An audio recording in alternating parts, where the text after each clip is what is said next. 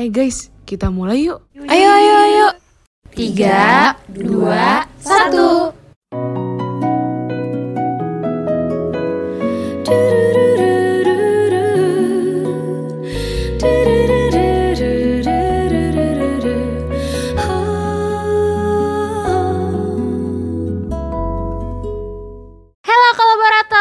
Selamat datang di iPod. IKK Podcast. Halo semua. Halo, kembali lagi di podcast Bisa Bincang Asa.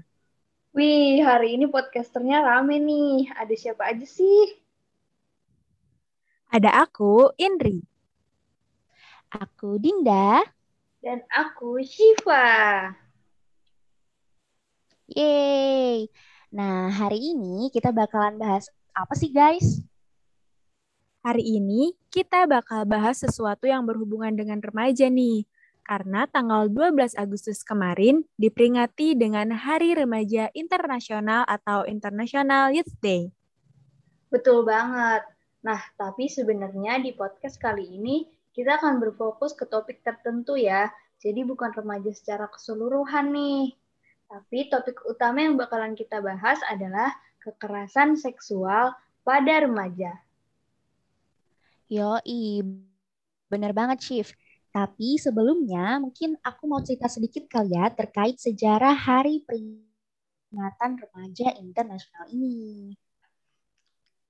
Oke deh, jadi International Youth Day atau Hari Remaja Internasional adalah hari perayaan yang dicetuskan oleh PBB pada tahun 1988 dan pertama kalinya diperingati pada tahun 2000.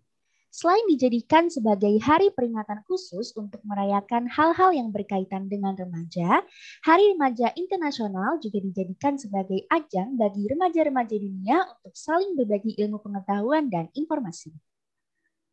Nah, iya tuh, keren banget kan? Tema yang diusung setiap tahunnya biasanya berkaitan dengan isu kesehatan, perubahan iklim, dan kemiskinan secara global. Setiap tahun, peringatan Hari Remaja Internasional dirayakan dengan berbagai cara, seperti konser, lokakarya, acara budaya, hingga konferensi yang melibatkan berbagai pihak. Wah, kalau nggak pandemi gini pasti seru banget ya perayaannya. Nah, tapi kita tidak akan berfokus untuk bahas perayaan Hari Internasionalnya, tapi akan fokus ke topik yang sebelumnya sudah dibahas, yaitu kekerasan seksual pada remaja. Jadi, Din, Shift, akhir-akhir ini banyak banget nih isu terkait kekerasan seksual pada remaja. Tapi, sebenarnya ada yang tahu gak sih kekerasan seksual itu yang kayak gimana?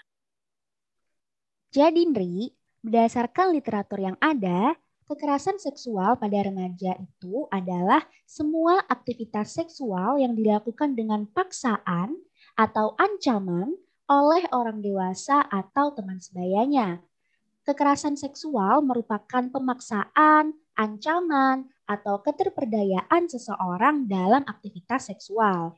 Akibat perilaku kekerasan seksual ini tentu akan berdampak pada kehidupan selanjutnya. Kalimat terakhir bener banget sih, karena nggak jarang remaja yang udah mendapatkan perlakuan tidak baik, terutama dalam hal yang berkaitan dengan kekerasan seksual, akan ada trauma tersendiri ke depannya. Kalau nggak ditangani dengan baik, maka akan semakin bahaya ke psikologis maupun psikisnya. Betul sekali. Bahayanya lagi, kekerasan itu bisa dilakukan oleh orang terdekatnya sendiri loh. Salah satunya seperti yang terjadi di Halmahera, Maluku Utara beberapa bulan lalu.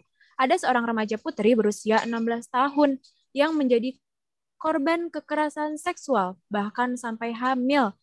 Dan tindakan tersebut dilakukan oleh kakek, paman, dan ayahnya sendiri. Mengerikan banget gak sih guys? Di saat harusnya keluarga jadi tempat teraman dan nyaman untuk berlindung, justru malah menjadi ancaman. Iya, ngeri banget dengernya ya. Kok bisa kayak gitu? Nah, tapi ya, kita kan emang sering dengar kasus yang dialami oleh remaja putri seperti yang tadi udah diceritain sama Indri. Tapi sebenarnya nggak jarang juga loh remaja putra mengalami kekerasan seksual. Bener banget. Karena kekerasan seksual itu gak memandang gender, jadi baik perempuan maupun laki-laki sama-sama bisa menjadi korban. Ada beberapa hal yang perlu kita lakukan nih sebagai seorang remaja agar terhindar dari kekerasan seksual. Apa aja tuh? Jadi yang pertama yaitu hindari tempat sepi.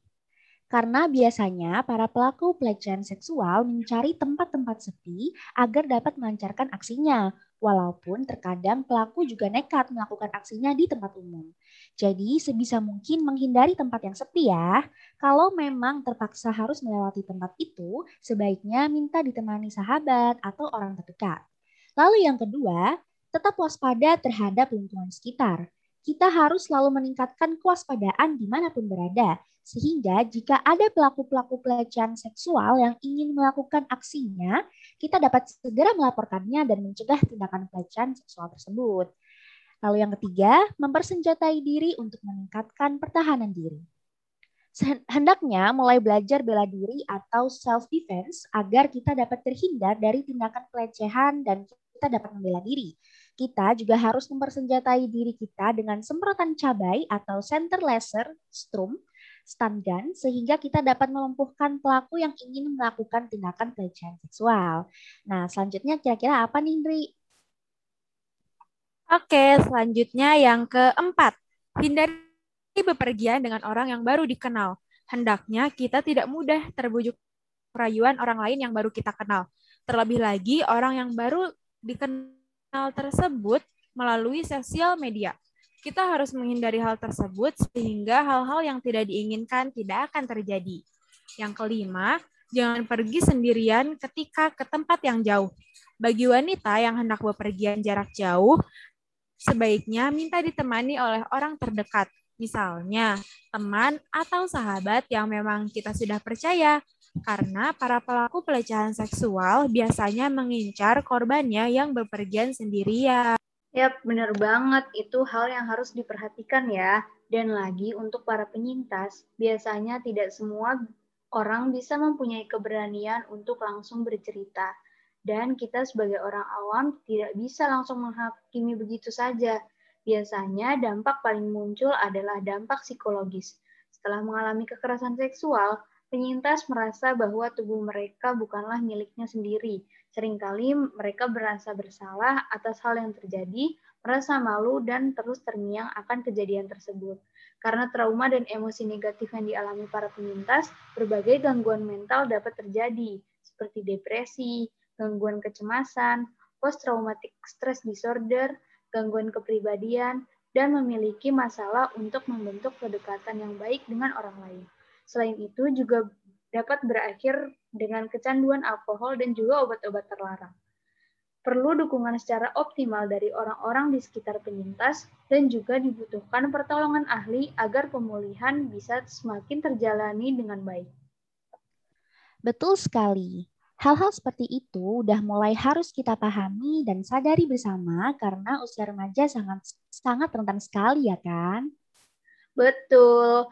Semoga remaja-remaja di Indonesia maupun di negara lainnya selalu terhindar dari kekerasan-kekerasan tersebut dan selalu bisa menjalani hidupnya dengan baik. Amin. Amin. Benar banget. Kita juga mau ucapin selamat Hari Remaja Internasional. Dan terima kasih sudah mau mendengarkan podcast Bisa kali ini. Sampai jumpa di podcast Bisa selanjutnya. Dadah. Dadah.